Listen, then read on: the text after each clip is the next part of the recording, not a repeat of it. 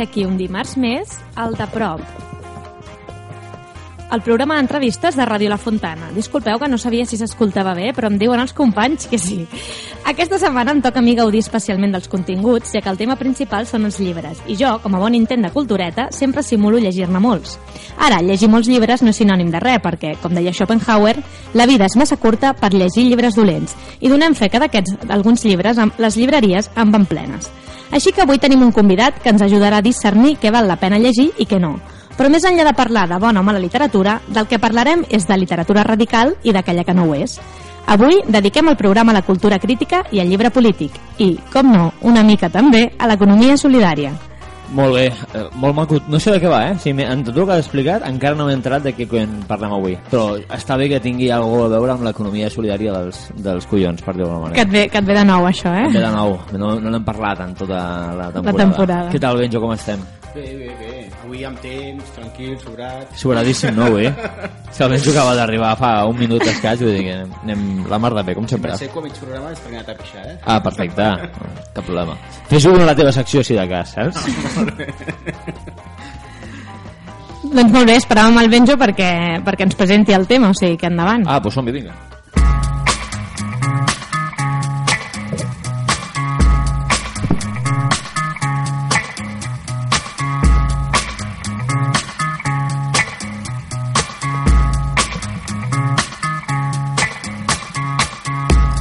Molt bé, doncs avui parlarem d'una iniciativa que ho patarà del 13 al 15 de maig al recinte fabril de la Fabra i Cots Sant Andreu. Es tracta de la Literal, una fira d'idees i llibres radicals, que enguany celebra la seva segona edició. Obro parèntesi, per llibre radical entendrem totes aquelles publicacions, siguin del gènere literari que siguin, que independentment del seu format transmetin idees per a la reflexió i transformació de l'ordre social existent de dalt a baix que això de baix a dalt encara que és vull dir. en aquest sentit una editorial de llibre radical és aquella que publica materials de pensament crític per la reflexió i transformació radical de la societat tanquem parèntesi Fet això, cal explicar que la Literal és una fira oberta al públic amb la intenció de connectar els diferents projectes editorials independents i llibreries de Barcelona de llibre polític amb el públic lector amb inquietuds polítiques. Una fira que comptarà amb la col·laboració de més de 60 editorials i llibreries, conferències, taules rodones, entrevistes, presentacions, algunes de les quals ja s'han començat a fer ara com a tastet del que serà la fira, i comptarà també amb una taverna amb productes ecològics, cervesa artesana i una programació continuada de música negra amb actuacions en directe durant tot el dia una banda sonora protagonitzada per músics emergents i consolidats.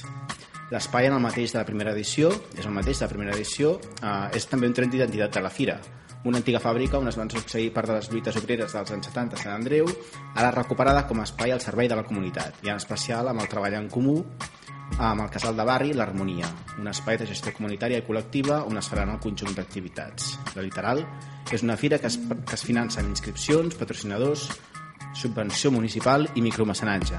Un verd canvi al que tothom, està que tothom interessat en el projecte pot col·laborar-hi i podeu trobar tota la informació i actualitat de la fira a literalbcn.cat feu una ullada i escapeu-vos del 13 al 15 de maig que valdrà la pena. Doncs moltes gràcies, Benjo. Sempre fas aquestes presentacions tan exhaustives que em pregunto si t'hauríem d'entrevistar tu per seguir aprofundint en el tema. Però no, suposo que el convidat en sabrà una miqueta més. Així que, Joan, què? El, el presentem, no? El presentem, el presentem. Va.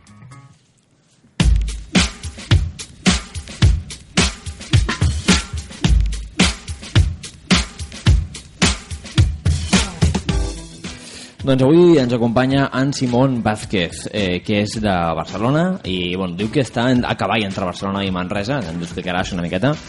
Uh, ell és gestor, editor i gestor cultural. Des de molt jove milita i és actiu en l'àmbit cultural a la ciutat de Barcelona. L'any 2011 funda, juntament amb dos eh, treballadors més, la cooperativa Cultura 21 SCCL. Si busqueu Cultura 21 al Google trobareu moltes coses que no, penso que no sap cap d'elles. perquè no us feu un, un embolic. Fins al segle que ve no, no, no canviarà això. Correcte. Passa a ser passa a ser editor de, en cap de Tigre de Paper Edicions, eh, des d'on continua treballant. Durant el curs 2013-2014 és el programador cultural alerta de l'Ateneu Popular Nou Barris, una de les Ateneus més, amb més moguda i amb més eh, gent i amb més... Eh, el que més se l'escaula el cognom popular, sense cap mena de, de dubte. Uh, a més a més d'això, és coneixedor de l'àmbit cultural, en especial del sector editorial i del llibre. Uh, ha escrit en diversos mitjans i en revistes especialitzades. Amb tot això, l'any 2015 impulsa juntament amb cinc editorials eh, barcelonines eh, la Fira Literal, una fira d'idees i de llibres radicals de la qual a més n'assumeix la direcció i la coordinació. Ens eh, confessa, ara fora del micro, que està absolutament al, fins, al, fins al gorro de feina, que se li gira moltíssima feina fins d'aquí al mes de maig, així que molts, molts ànims, Simon. No et robarem molt de, del teu temps en aquesta entrevista, uh, però sí que ja d'entrada diem que, com ha dit el Benjo, uh, ens interessa molt aquesta fira, pinta molt bé, eh, i aquesta segona edició de ben segur que ja és tot un èxit. Avui coneixerem una miqueta més en aquest programa el Simon Vázquez, el de prop. Doncs molt bona nit, Simon. Moltes gràcies per acompanyar-nos aquesta tarda vespre nit, ho tinc clar. I res, comencem l'entrevista formal, diguem. Com explicaven els meus companys, és la segona edició de, de la Fira Literal de Barcelona, ara el 13, 14 i 15 de maig, i vosaltres us definiu com un espai de trobada del mercat literal i d'esquerra, que vol anar més enllà i ser una fira d'idees en diferents disciplines i agents involucrats. No? Sembla que els principis els teniu molt clar, però com va néixer tot això? Doncs, bueno, en primer lloc, moltes gràcies per convidar-nos i, i moltes gràcies per estar aquí a la Fontana. I això va néixer, doncs, molt fàcil. No hi ha, una fi, no hi ha cap fira... De... Primer de tot, tret de la Setmana del Llibre en català, no hi ha cap fira del món editorial a la capital del món editorial, tant en llengua catalana com en llengua castellana. És a dir, en llengua catalana, òbviament, però en llengua castellana eh, la capitalitat de, de l'edició a nivell hispanoparlant és Barcelona, Buenos Aires, Madrid. Per tant, és curiós que a la capital mundial de, de l'edició en dues llengües no hi hagi una fira que aglutini tot el món editorial eh, d'aquesta ciutat. Per altra banda, nosaltres que som cinc editorials de, de llibre radical, que com ja ha definit el Benjo és és aquell, aquells llibres que pretenen i que impulsen idees per la transformació radical de la societat eh, doncs clar, el que no farem és fer una fira per un altre, per un altre sector del llibre no? llavors vam, vam decidir que, que ja que la impulsàvem impulsem, impulsem el, el projecte cap, a, cap, a la nostra, cap al nostre sector i cap, al, cap a les nostres necessitats i és per això que va néixer l'any passat, va néixer literal, Fira d'idees i llibres radicals, perquè no volem només que sigui una exposició de llibres, sinó que volem que sigui un gran esdeveniment de les idees d'aquesta ciutat que és la Rosa de Foc i que pretenem que ho segueixi sent durant molt de temps. Clar, perquè bueno, comentaves la setmana del llibre en català, no? que és, sí que és una setmana on es promociona la literatura, diguem, que ara la fan a la catedral, em sembla, no? que abans estava més al Passeig Lluís Companys, sí. però, sí, i, però dèieu que no, que faltava aquesta fira de, de llibre radical, tot aquí sí que hi ha petites mostres, no? hi ha la fira del llibre prohibit al Born, hi ha la fira del llibre independent Autoritat de Barcelona, i després en altres poblacions, a Bellprat, al Garraf, vull dir, sí que hi ha altres iniciatives d'aquest tipus. Us heu plantejat col·laborar o per, en principi el projecte ha nascut per separat i, i ara segueix així? Bueno, nosaltres com a editorials participem de... Mira, crec que de totes les que has dit eh, i tenim un referent absolut que és Liber is Liber a Besalú i, i la feina que fan els companys de Liber is Liber que realment ha sigut el referent del que nosaltres volem fer és una mena de Liber is Liber barceloní eh, adreçat al llibre radical Vull dir, mm, per nosaltres, de totes aquestes fires, nosaltres aprenem, de nosaltres, nosaltres creixem, nosaltres, eh, totes tenen les seves característiques concretes, no? Eh, per exemple, Tinta Roja està impulsada per editorials que impulsen literal. Eh, la Fira del Llibre Prohibit del Born, que crec que aquest any no repeteix, eh, l'any passat era només adreçada a, a llibreries, no? per exemple. Eh? Vull dir, totes tenen la seva idiosincràsia, i, però nosaltres volíem fer una fira que, que, tingués, que estigués impulsada des de les editorials i que eh, es fes d'una forma professional. No? I aquests són dos elements que, malgrat que volem que sigui una fira d'idees i llibres radicals, també defineixen la fira. Professionalitat i, i impulsada des del món editorial, tot i que participa en llibreries, però que principalment estigui impulsada pel, pel món editorial. Per les editorials. I ara, per, per no equivocar-me amb, el, amb les nomenclatures o amb els conceptes, parlàvem de llibre radical. És equivalent al llibre polític? Podem parlar com a sinònims o no? Podríem parlar de sinònims. Ara bé, si tu a la gent li, li dius llibre polític, eh, ràpidament es fa una visió de què és assaig. I aquest, amb, trobar una nova definició, una nova eh, paraula, a, aquesta forma de buscar una nova paraula va ser eh, per, per treure el llibre polític de l'assaig. Entenem que hi ha molt més llibre polític més enllà de l'assaig, que hi ha llibre infantil que és polític, que hi ha novel·la negra que és polític, eh, etc. no? Que hi ha... Poesia política. Poesia política, etc. no? I després eh, enteníem que el concepte polític ens encasillava i que el concepte radical ens pot eh, obrir. I ara diràs, no, al revés, no? Podria ser al revés. Però no, perquè en, en la societat normalment ens trobem que quan parles de quelcom polític allunya, no?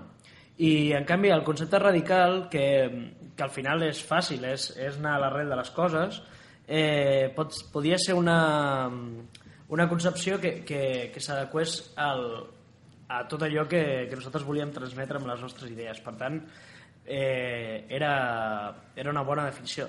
I després hi ha un altre tema molt més important i molt més definitori, que és que el concepte Fira de Llibre Radical no ens l'inventem nosaltres. Això ho copiem, com totes les coses que es fan a a, a la cultura, no? que són còpies de còpies de còpies, però, però nosaltres copiem el concepte de, del Radical Book Fair, que es fan a Londres, del Radical Book Fair que es fa a Edimburg, de diferents eh, fires com la Howard Sin Radical Book Fair que es fa als Estats Units, no? I, i aquests conceptes de fira és el que li, falta, li faltava a Barcelona i li faltava una mica a la Mediterrània no? i ho volíem portar a una ciutat com Barcelona i, i poder-ho poder portar aquest model no? pues que té un funcionament molt potent a Londres, té un funcionament molt potent a Edimburg, té un funcionament molt potent a diverses ciutats dels Estats Units, però que aquí això era desconegut. I, i amb aquesta intenció pues, nosaltres ho, ho portem a Barcelona i, i a Sant Andreu i volem, i volem que creixi i es desenvolupi. Bueno, sens dubte us agraïm la còpia, no? mentre copiem coses bones doncs ja, ja es tracta d'això, no? del, del compartir els bons projectes. Llavors, centrant-nos, m'ha agradat molt aquesta reflexió que fas que el terme polític eh, allunya, no? perquè al final política ho és tot, però la gent és veritat que en general ho vincula amb partidisme i llavors aquí comencen les confusions no? i al final radical doncs, pot ser més ampli. Llavors, més enllà del que és o no és un llibre polític, ara diré alguns que ja no sé si són polítics o radicals, eh? però si mirem en la història, hi ha alguns llibres polítics que han estat bestsellers, no? des de la República de Plató, el Manifest Comunista o el Capital de Karl Marx, el Príncipe de Maquiavel... Estem en aquest punt? Tenim alguns llibres de radicals o polítics que podrien ser bestsellers o que ho són en aquests moments? Molts. Ara mateix hi ha molts. Eh, Chaps de Owen Jones ha sigut un bestseller. Vale, sobre, sobre les classes socials, sí, no? exacte. baixes de... Bueno, Eh, eh... socioeconòmicament baixes, diguem. Però en la història en Anglaterra. tenim molts exemples. La mare de Gorky va ser un bestseller. Jo, jo sempre poso un exemple, no? Eh, la, què, quina, què ha tingut més influència en les revolucions? Uh, per exemple, la revolució russa, el manifest comunista o la mare de Gorky, els escrits novel·lats que podien arribar a uns sectors més amplis de la, de la societat o llibres a la societat molt analfabeta i així o, o, o els escrits dels diversos autors realistes després de la, de la Revolució Francesa no? Um, el, pues el Conde de Montecristo o, o llibres així tenien, pod- podien arribar molt més i transmetre valors o Los Miserables no? que, que, que assajos de Voltaire o, o de Rousseau pues, segurament no arribaven a, a gran i a més Al poble, en no? el, fa- en, a, amb, amb el format que ara no existeix però en pasquins que es publicaven per capítols en els, en els diverses publicacions de, de l'època, no? Llavors, mm, hi ha molts llibres, realment hi ha, hi ha molts llibres de, que, de la, de, que podrien ser considerats radicals que han sigut bestsellers. Eh, ara mateix tenim a l'Esveldana Litzevich, no? que després en parlarem segurament, eh, amb, amb La fi de l'home roig està sent un llibre dels més venuts. Eh, I diversos llibres, eh? I estem parlant de llibres editats al 2016, no... Però, però en, tenim, en tenim moltíssims, no? O també el, Els invisibles de l'Aníbal Estrini ha sigut un referent d'una generació d'autònoms a, a Itàlia i, i bé, és radical fins i tot en la forma d'escriure's, no?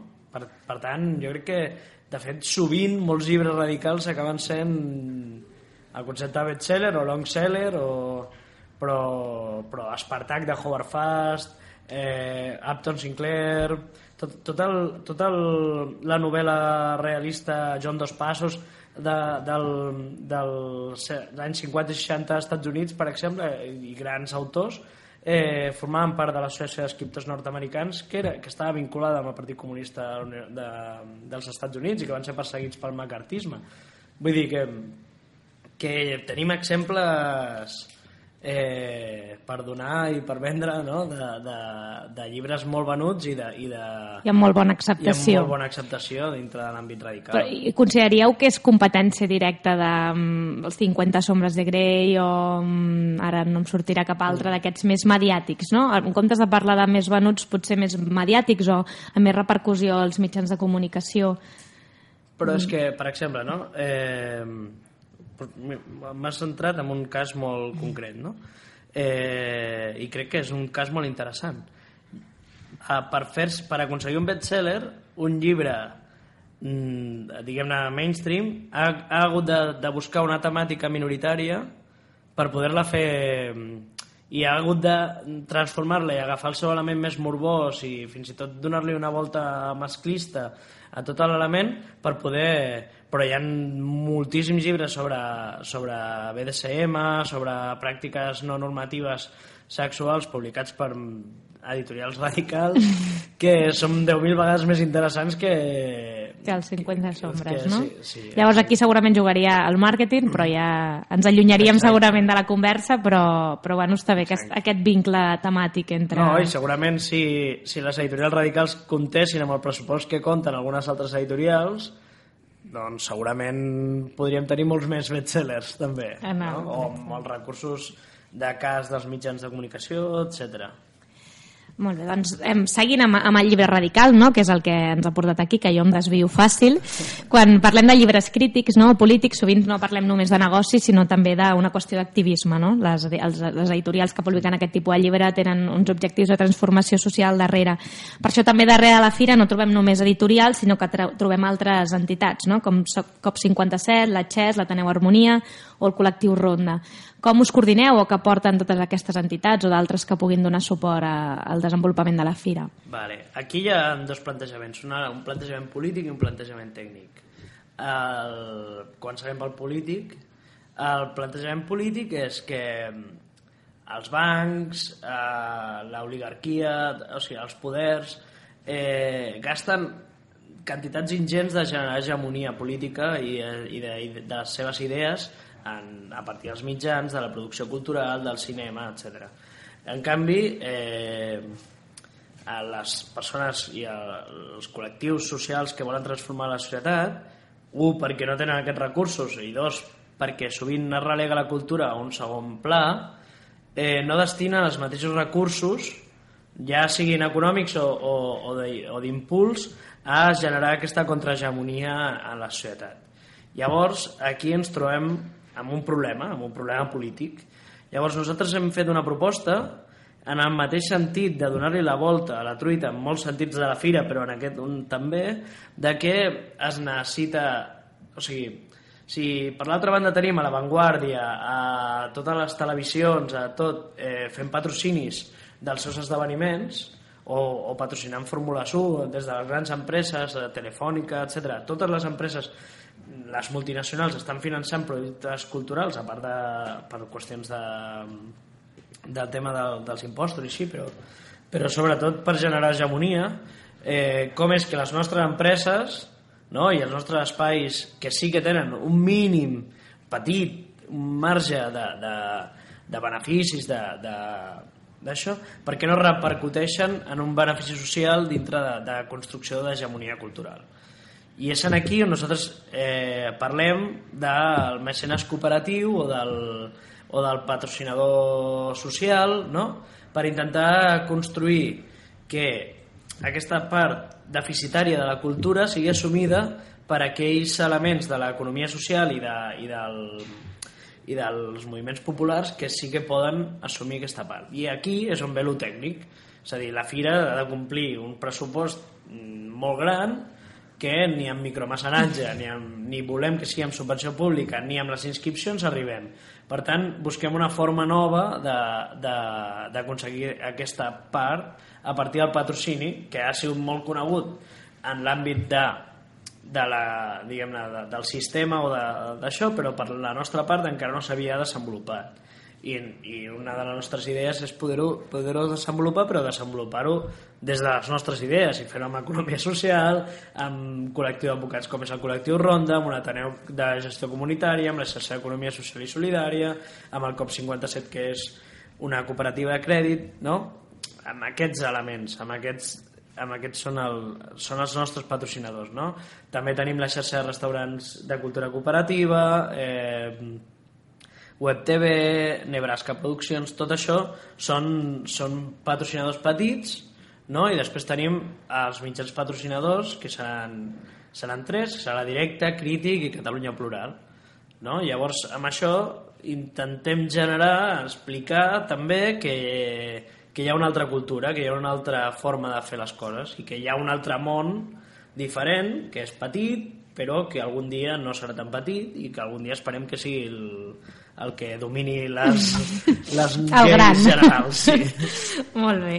Llavors, parlant de gran, no? en realitat de la, de la primera edició de l'any passat fins a aquesta heu doblat la participació d'editorials i de llibreries. No? Actualment sí. participen 60, sí. entre algunes més especialitzades i algunes més generalistes. Això perquè Simplement perquè va funcionar i la gent s'ha sumat al carro? Perquè vosaltres heu diversificat l'oferta? Us heu mogut més? Quina ha estat la raó d'aquest? Hi ha, hi ha hagut diversos factors jo crec que el principal és perquè l'any passat va anar molt bé i, i això genera ja per ell mateix que molta gent s'apunti no? De fet, eh, crec que la majoria, majoria, majoria mm, rotunda de... no m'atreviria a dir totes, crec que hi ha hagut una o dos editorials que no repeteixen, eh, i ha sigut per motius econòmics o de viatge o així, o sigui, per calendaris, però totes les resta editorials s'han repetit i això ja és un element que, que és fàcil no? després doble.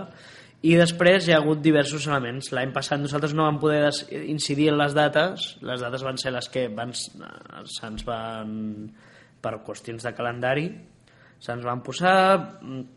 Llavors va coincidir amb la Feria del Libro de Madrid i amb, amb també amb, la, amb el ressecon electoral de les eleccions municipals, bueno, amb diversos elements que, que van dificultar la participació de moltes de les editorials. I aquest any totes aquestes desavantatges doncs no els tenim. I jo crec que això ha fet que, que, bueno, que, sigui, una, que sigui una cosa que, que hagi generat doncs, aquesta, aquest impuls de, de 30 editorials més.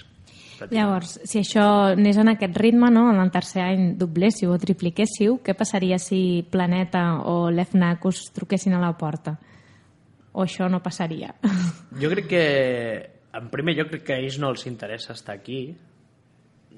Altres serien altres editorials, igual sí, però, però crec que a Planeta no li interessa estar aquí, no, no, no obté ells només miren números, no? segurament, i llavors, per tant, no, no hi ha volum de vendes suficient com perquè mm, els hi surti a compte o en el seu... I igualment, nosaltres, per estatuts de la Fira, eh, només poden formar part de la Fira editorials independents de llibre radical.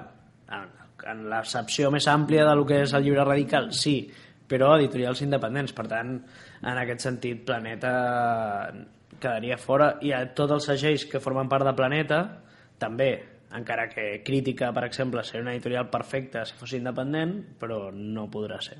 Vale, molt bé, bueno, pues si ens està escoltant Planeta, que sàpiga quina és la resposta.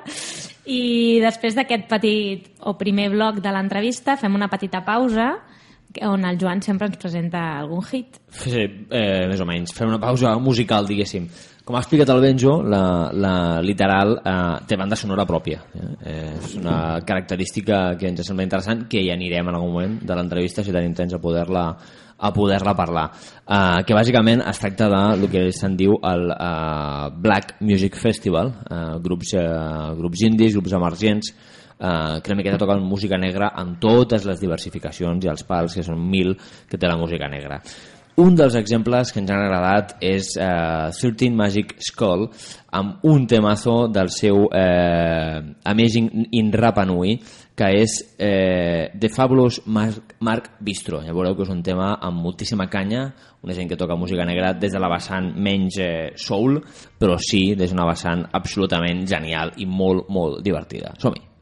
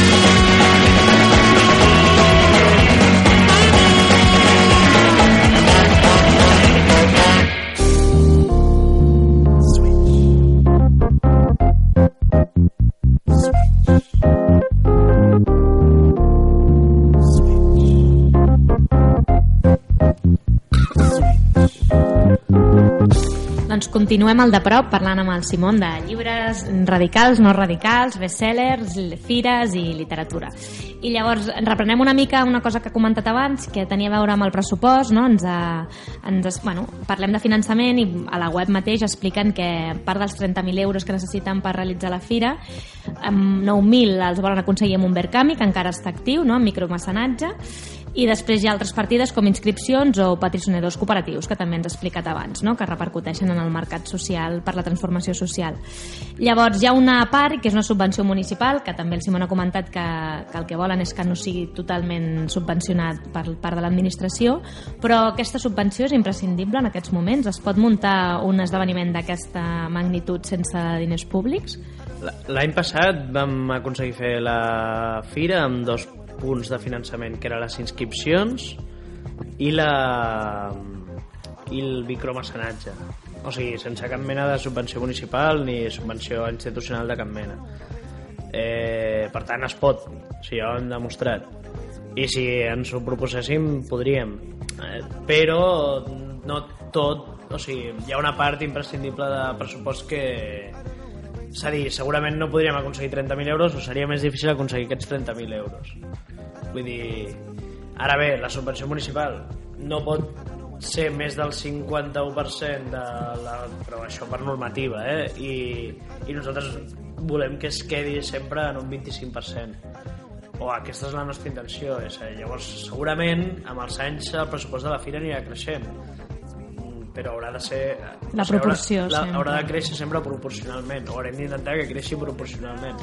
Entre la primera i la segona edició heu notat un canvi en, en, bueno, en el tracte o en el suport que heu rebut de l'Ajuntament en, en relació al canvi de color que hi ha hagut? És una pregunta que ens fan bastant els periodistes. Que Eh, nosaltres no ho som, per altra banda, eh? Bueno, aclarim-ho. però esteu, Exacte, no nos sentimos aludidos. esteu exercint com a... Eh, a veure, no ho sé per simplement un motiu. La- L'any passat no vam anar a buscar eh, finançament, per tant no vam haver de tenir interlocució amb les Vale, sí, institucions. no el vau rebre perquè no el vau anar a buscar. diguem. Exacte. D'acord. Llavors no hi ha hagut canvi. No hi ha hagut canvi en el sentit de que podem dir que, que amb el districte Sant Andreu estem contents, hem fet tot allò que nosaltres creiem, que necessitàvem, i vull dir, contents. No, vull dir, sense més. Molt bé. Doncs tornem a reprendre un altre tema que abans has, has suggerit, que era la presència de l'Esvetlana Alexievich, no sé si pronuncio bé, que és el Premi Nobel de Literatura del 2015, que serà a la fira el dia 14 a les 7, no? I si el finançament ho permet hi haurà streaming. Això no sé si Si s'ha el confirmat. finançament ho permet, hi haurà traducció al rus. Ah, hi al haurà català. traducció. I si no ho permet, haurem I si de no prendre permet, rus. haurem d'aconseguir que, que es permeti. Vale, d'acord, perquè ho veig I si difícil. el, i si el finançament ho... No, no, ho, ho permetrà, ho permetrà. I si, I si el micromecenatge funciona, també tindrem streaming perquè les persones que no puguin anar a apropar-se a Barcelona aquell dia ho puguin veure en directe. I ha sigut difícil aconseguir una figura mundial com l'Esvetlana um, per una fira que era la segona edició només mm. i que al final el volum de vendes, el que comentàvem, tampoc és, Sí. és tan gran. Nosaltres tenim una bona programació perquè els nostres, les editorials que participen de la fira fan molts bons llibres. Per tant, no és que sigui difícil o no, és que és, que és el que hi ha, és que volem visualitzar un sector editorial que està invisibilitzat però és que treu molt bona qualitat de llibres i tenim l'editorial Raig Verd que ha fet un esforç impressionant per la traducció del rus al català amb molt bones traduccions de l'Esvetlana Litsevich i gràcies a la, a la participació de Raig Verd a la fira, doncs una de les seves autores és, és Esveldana. I després, gràcies a que ve a la fira, també es podrà veure el dimecres 18 a, al, al CCB amb el, amb el Cosmòpolis. Pots fer una petita falca sobre l'Esvetlana i la seva producció literària per a aquells que no la coneguin? Allò per animar-vos a Sí. anar, animar-los a anar el dia 14? Doncs Svetlana Litzevich és una autora bielorrussa eh, que ve de tot el que és el panorama de, del que va ser la Unió Soviètica i que és una autora eh, prolífica que fa un periodisme literari on la importància són les veus de les persones no? I, i a partir de les veus de les persones ella aconsegueix crea una, una melodia en els seus llibres on explica històries que han passat en el segle XX que no han sigut explicades des de la veu dels seus protagonistes, no?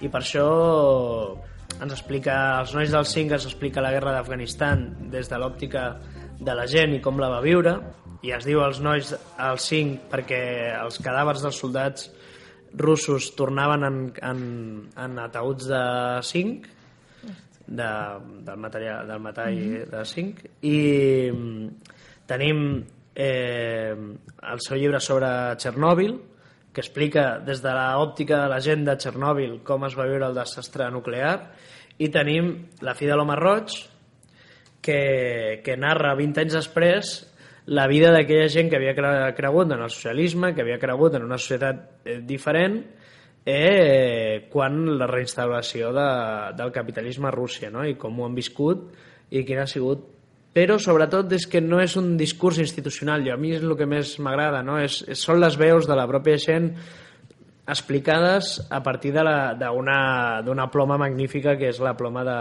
de Svetlana Alexievich molt bé, doncs, com, o escoltar-lo, com a mínim a llegir alguna de les seves obres, eh, després de, de tota aquesta explicació.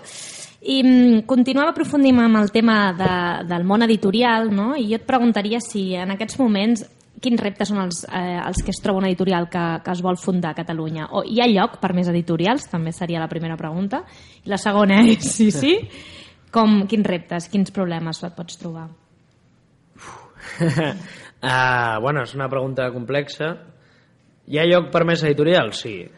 Hi haurà lloc sempre per més editorials perquè mai s'editaran tots els llibres que siguin necessaris.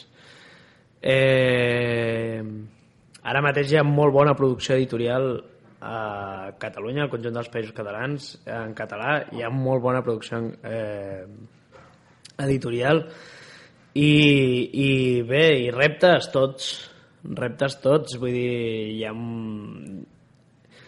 per exemple, no? som, som un, hi ha un gran espai editorial, hi ha un gran espai d'autors, hi ha molt bons editors, hi ha molt bons autors, hi ha molt bons traductors, eh, però encara no hi ha un espai... No té la legitimitat la llengua catalana encara, jo crec, que, que, té, que té el castellà i això és un problema social, és un problema institucional que s'ha de resoldre i bueno, i encara queda molt per fer-ho, no? Llavors, eh, i després hi ha un problema que, que passa al conjunt de l'estat espanyol, que és la manca de lectors que hi ha. I això passa, jo crec que és una qüestió d'ecosistema cultural, eh? no crec que sigui un problema només de, del món de la lectura o del món editorial, sinó que crec que és un problema d'ecosistema cultural és a dir, la mitjana de gasto que, que fa un ciutadà de l'estat espanyol a l'any en cultura és de 200 euros. I aquí li has de posar les entrades a concerts, la, el teatre, el teatre cinema... Cine... Per tant, mmm, clar, hosti, és poc. Estem parlant de menys de 20 euros al, al mes en cultura. I per estadística em sembla també que està calculat que es llegeixen uns 3 llibres l'any, de mitjana no? Crec Creus que, que la gent lectora. La gent lectora, la gent lectora. Ah, el que no llegeix, hi ha gent no llegeix, que, clar, hi ha gent que la majoria de gent no llegeix un llibre a l'any. Llavors, clar, vull dir, tots aquests percentatges, no?, eh, dificulten, però tots aquests percentatges és un problema que tenim com a societat i jo crec que s'ha de resoldre. I no és un problema del món del llibre com, a una, com, com una parcel·la de la societat, sí crec que és un problema social greu i, i un, un poble que no, està, que no té cultura, un poble que no té coneixements, que no, que té, no té un interès cultural, és un poble més fàcil de, de manipular. I, I per tant, però bé, jo crec que ara mateix no hi ha un, no hi ha un interès institucional en aquest sentit, eh, per part de ningú, i, i bé, això dificulta que... és una dificultat greu, és a dir, per exemple, països del nostre, del, de les nostres característiques de la resta d'Europa es fan tirades de llibres amb molta tranquil·litat de 5.000-6.000 exemplars. Països del nostre tamany, com Dinamarca, tenen polítiques d'exportació de, dels seus autors i de traducció que, fi, que facilita que els seus autors estiguin eh, eh, internacionalitzats arreu del món eh, i que d'altres autors vinguin a això. Per tant... Que s'intercanvien les idees, Exacte. no? De manera recíproca. o sigui, per què ara està tan de moda l'escriptura escandinava? No, no, no és una qüestió que estigui de moda, és que és que tenen unes, tenen unes subvencions i uns finançaments per les traduccions que no les té l'anglès o que no les té, per tant, el món editorial, que tonto no és, va cada cop mirant allà on eh, nichos. Per què la cultura japonesa està molt de moda o la russa està... està... Pues perquè financia les traduccions. Perquè ha per què la cultura aposta. francesa està arreu del món? Perquè tenen l'Institut de la Francofonia. Llavors, per què això no passa amb la llengua catalana o amb els escriptors en català? Bueno, doncs perquè hi ha mancances en aquest sentit. No? Per posar-te un exemple, eh? Mm, llavors, a vegades ens estem... Hi ha, hi, ha, hi ha un problema com a sector també, eh? que a vegades pensem més en que ens donin 1.000 euros per fer una edició que no... Dic, no, 1.000 euros o el, els que siguin, no? Que no en què hi hagi una campanya institucional ben feta per impulsar la lectura. I no, no, o perquè hi hagi un sistema educatiu ben treballat o perquè tot això digui no, però d'aquí tres generacions això canviarà no, és que Sol no se soluciona, no? Exacte, Ha d'haver-hi i, una aposta. i que hem d'aconseguir que gent de 50 anys torni a llegir, no passa res. O sigui, no només hem de llegir la gent de 10. O sigui, que, que hi, ha, hi ha un problema polític greu. I és un problema polític que està molt enquadrat en una crisi política, en una crisi econòmica, en una crisi social, i que no soluciona tampoc amb que ara de sobte es desenvolupin polítiques culturals més o menys interessants, sinó que o canvia una mica el paradigma o serà complicat. Vale, doncs agafo també una, altra- una frase que has dit ara i una que has dit abans i tanquem aquest bloc de l'entrevista. Ara parlaves de la lectura de la gent de 10 anys i abans has parlat que el llibre polític també pot ser infantil. I al final el que et trobes a literal és que moltes de les editorials que hi ha allà tenen col·leccions de llibres infantils que en molts casos són o clàssics versionats, no? amb, Correcte. amb un missatge totalment radical al, Sí. al, al tradicional o, o altres llibres que no tenen res a veure no? i amb altres missatges també diferents als tradicionals. Alguna de les dues vies et convenç més? Hem d'apostar per revi revisionar els clàssics, per llegir els clàssics tal qual, però ser crítics del que estem llegint? Com hem d'afrontar la lectura amb la infància? A mi em semblen bé totes les opcions. Vull dir, vull dir crec que és, molt, és tan interessant eh, que s'expliqui la masturbació als nens o que s'expliqui eh, La... El llibre Pessigolles, no? Ah, per exemple, per exemple, mira. Este mini punto, eh? Que no eh, molt bé, molt bé. Sí, sí, sí. Eh, això o, o, o, o llibres que expliquin la vida des, des d'una perspectiva no heteronormativa, però eh, també és molt important que, per exemple, que, la, que es faci un conte sobre la sobre el Blancaneus eh, diferent, no? sobre no? clàssics que són totalment reaccionaris, no? impulsats només per, per la gran indústria de Disney, que ha sigut qui ha marcat les nostres infàncies durant anys i panys i vull dir que es facin coses a la contra també em sembla molt, molt, molt interessant. Molt bé, doncs eh, amb aquesta obertura de ment no, de, per, per llegir contes infantils eh, diferents, ja sigui per revisions o no revisions dels clàssics, tanquem aquesta part de l'entrevista i ara et deixo amb el Joan. Perfecte. Tanquem la part d'entrevista de veritat. A partir d'aquí fem el tonto una mica. Uh, farem un petit qüestionari de pregunta ràpida i resposta curta. Preparat? Preparat. Vamos allá.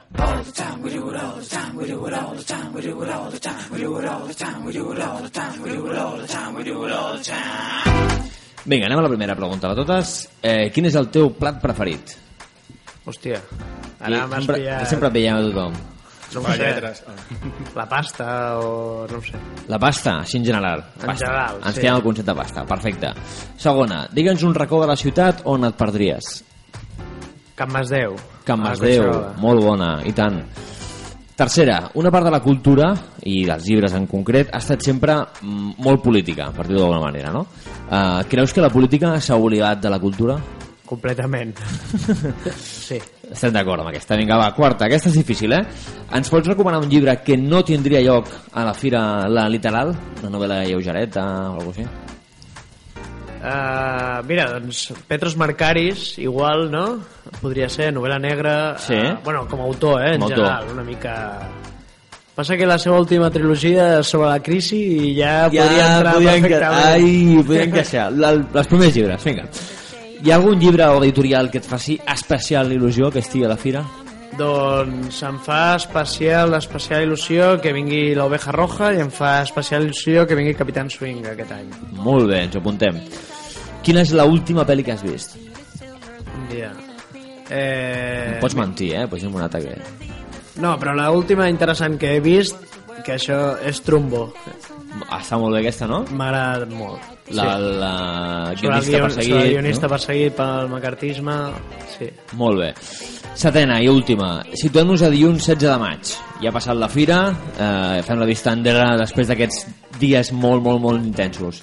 Eh, quina sensació voldries tenir? Home, d'èxit absolut. Perfecte, home. I, I de descanso, no? Per fi, de de dir, va, ara ja sí, em sí. uns dies de, de relax, De no? fer factures, llavors. de tancar, de tancar el balanç, fer, fer més grisa. Molt bé, doncs ja està, fondo de... Genial. Una, un qüestionari rapidet, i ara sí que ens anem una part una miqueta més seriosa, o no, no sé, de, depèn del dia, Benjo, uh, de, de programa, que és aquesta magnífica secció del Benjo, va.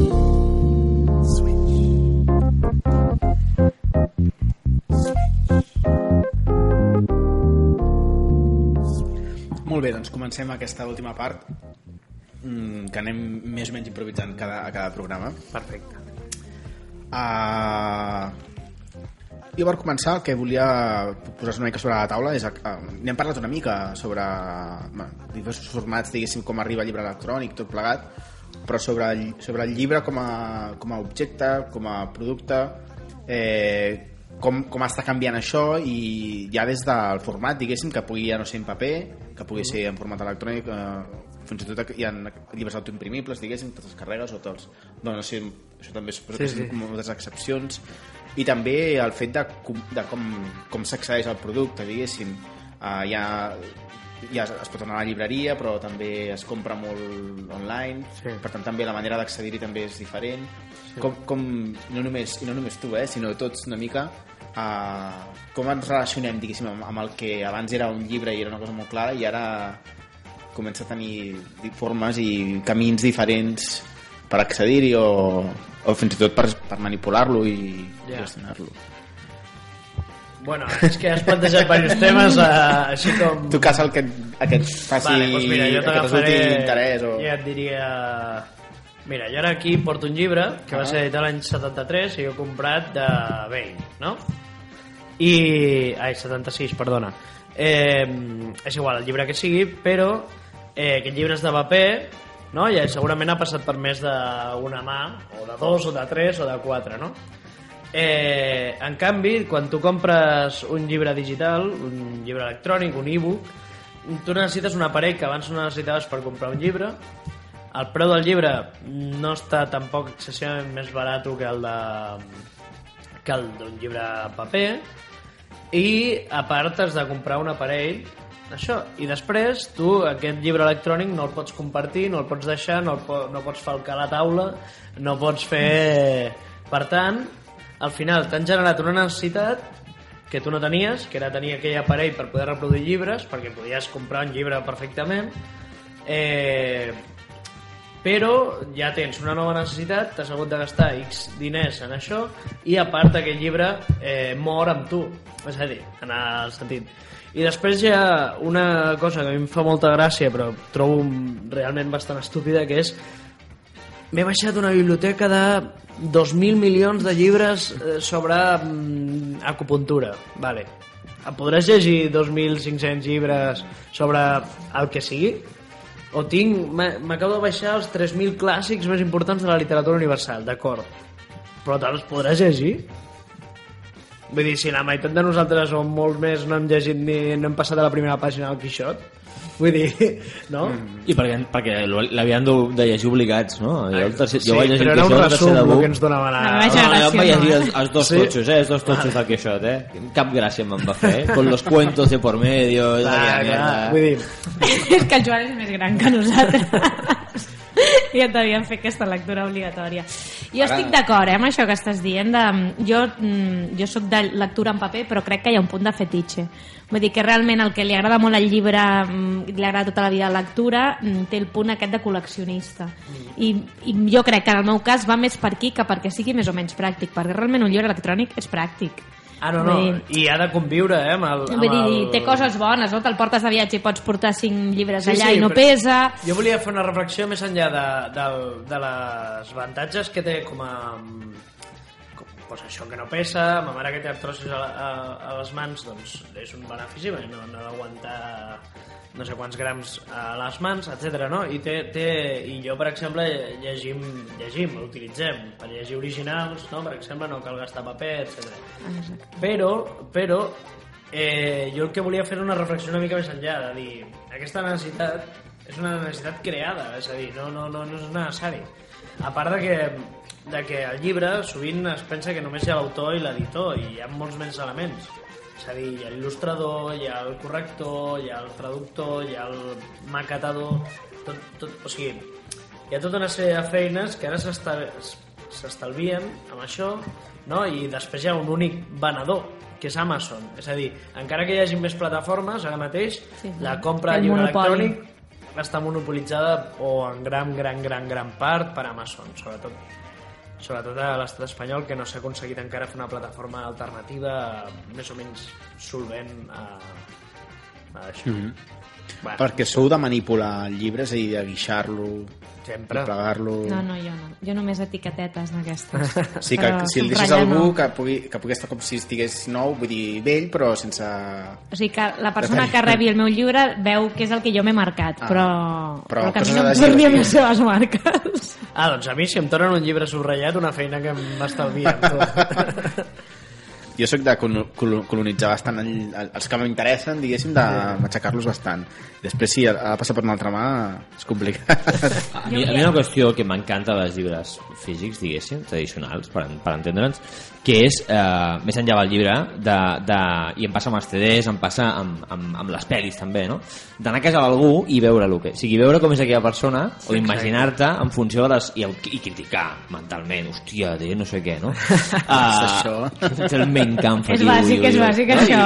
La inspecció de la llibreria. Poder criticar, no? I, hòstia, tens, tens tots els discos d'OT, no? Vull dir, poder fer això, que no obriràs el, el PC d'algú a mirar el que té dintre, no? no és impossible. Un dia m'explicaven d'una persona, d'unes persones que van anar al pis d'un altre i no hi havia cap llibre. I em van dir, no te fies d'una persona que no té cap llibre, però jo que sé si tenia un e-reader. Realment no ho sé, eh? Però realment em van fer aquesta reflexió, Joan, seguint els teus passos. Jo volia dir també una cosa que tu has comentat, el tema de Bueno, el tema de l'espai, no? O sigui, molta gent diu que compra, que llegeix per e-reader perquè els llibres ocupen molt.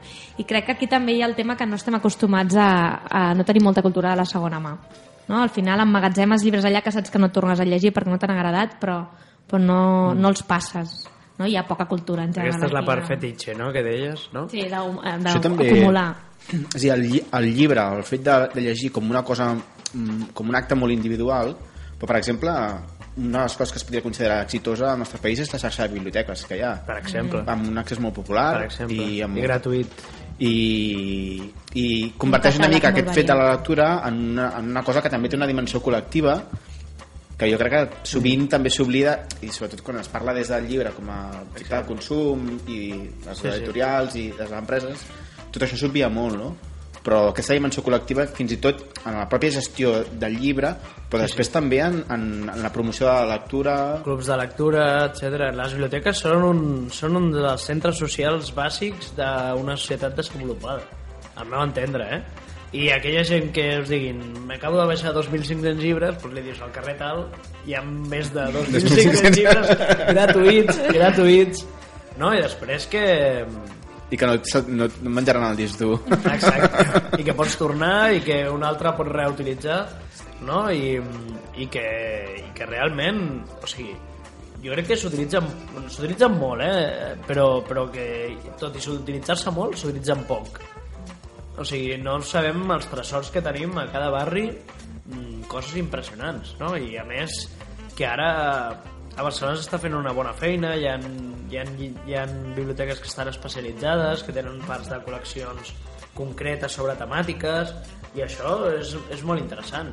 Perquè tot aquesta, aquest, bueno, aquest gènere que, no sé, com de llibre radical, diguéssim, tot això a les biblioteques, a la xarxa de biblioteques, es poden trobar coses... Sí, sí, sí, sí. És a dir, per exemple, a la meva editorial pràcticament tots els llibres es poden trobar a la xarxa de biblioteques. Si no està en una, a més la pots demanar a una altra i si només si és fora de Barcelona crec que et fan pagar un euro, vull dir, alguna així per l'enviament.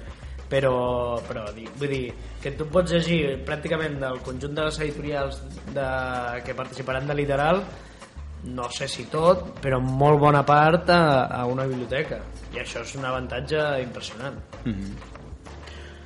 Un altre tema, que és uh, l'espai el moment de llegir que això potser a vegades el- la manera de, que, com vivim diguéssim fa que costi trobar espais o moments de qualitat per poder llegir.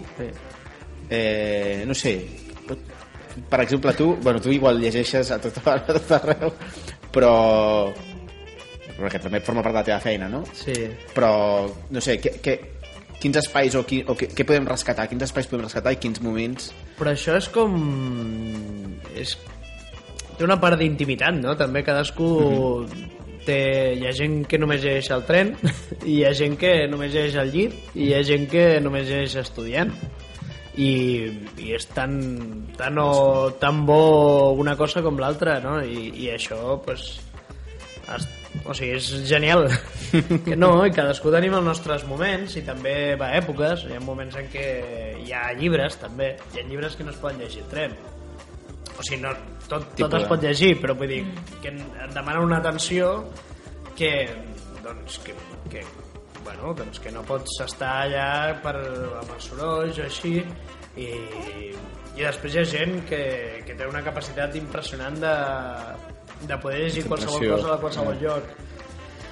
Per tant, no ho sé jo crec que hi ha llibres com a persones i hi ha situacions com a dies Però jo, per exemple, trobo faltar... Jo ara vaig a la feina a peu o en bici, mm. evenjo, i trobo faltar el metro, bueno, o el ferrocarril, o el, no sé, les vegades que he anat en transport públic. Sí. Perquè llavors ara a mi només em queda la lectura de llit i estic cansada, és veritat. Vull dir, després de sopar a l'hora d'anar a dormir, per molt que deixi de veure la tele o deixi de fer una altra cosa per anar a llegir, estic cansada a l'hora d'estar Però bueno, dormint. jo per exemple he decidit que, que com llegeixo molt per la meva feina eh, només llegeixo novel·la lleugera. Ah, perquè no, per, per, per poder desconnectar per relaxar-te una mica, exacte, i per tant ja pot ser que estigui cansat però bueno no, No, no, jo, o sigui, però jo ho faig ja com a obligació. No sé on està la barrera entre el plaer i el que m'obligo a fer-ho. Ah, bueno. Saps? Pel punt aquest del, del cansament, eh? De que potser apagaria i em posaria a dormir. tu Joan llegeixes en moto, no? tu...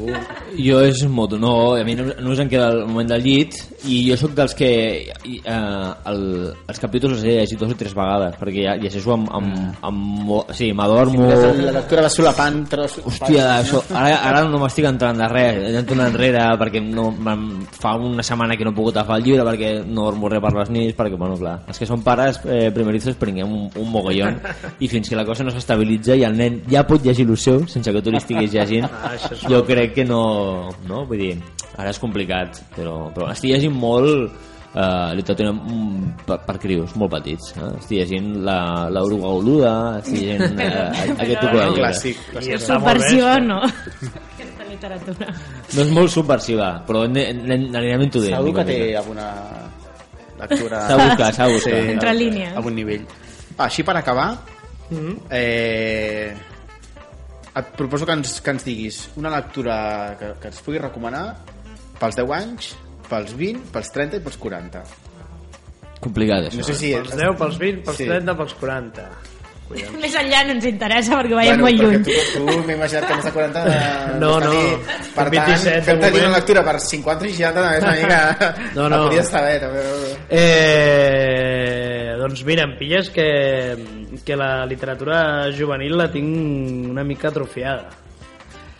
Per tant, dels 10, poca cosa et puc dir. puja si vols una mica amunt i ja està. Puc dir-te pels 20, pels 30, va. pels 40. Eh, pels 20, per començar, jo crec que t'has de llegir Los Invisibles de Nani Balestrini. és un imprescindible.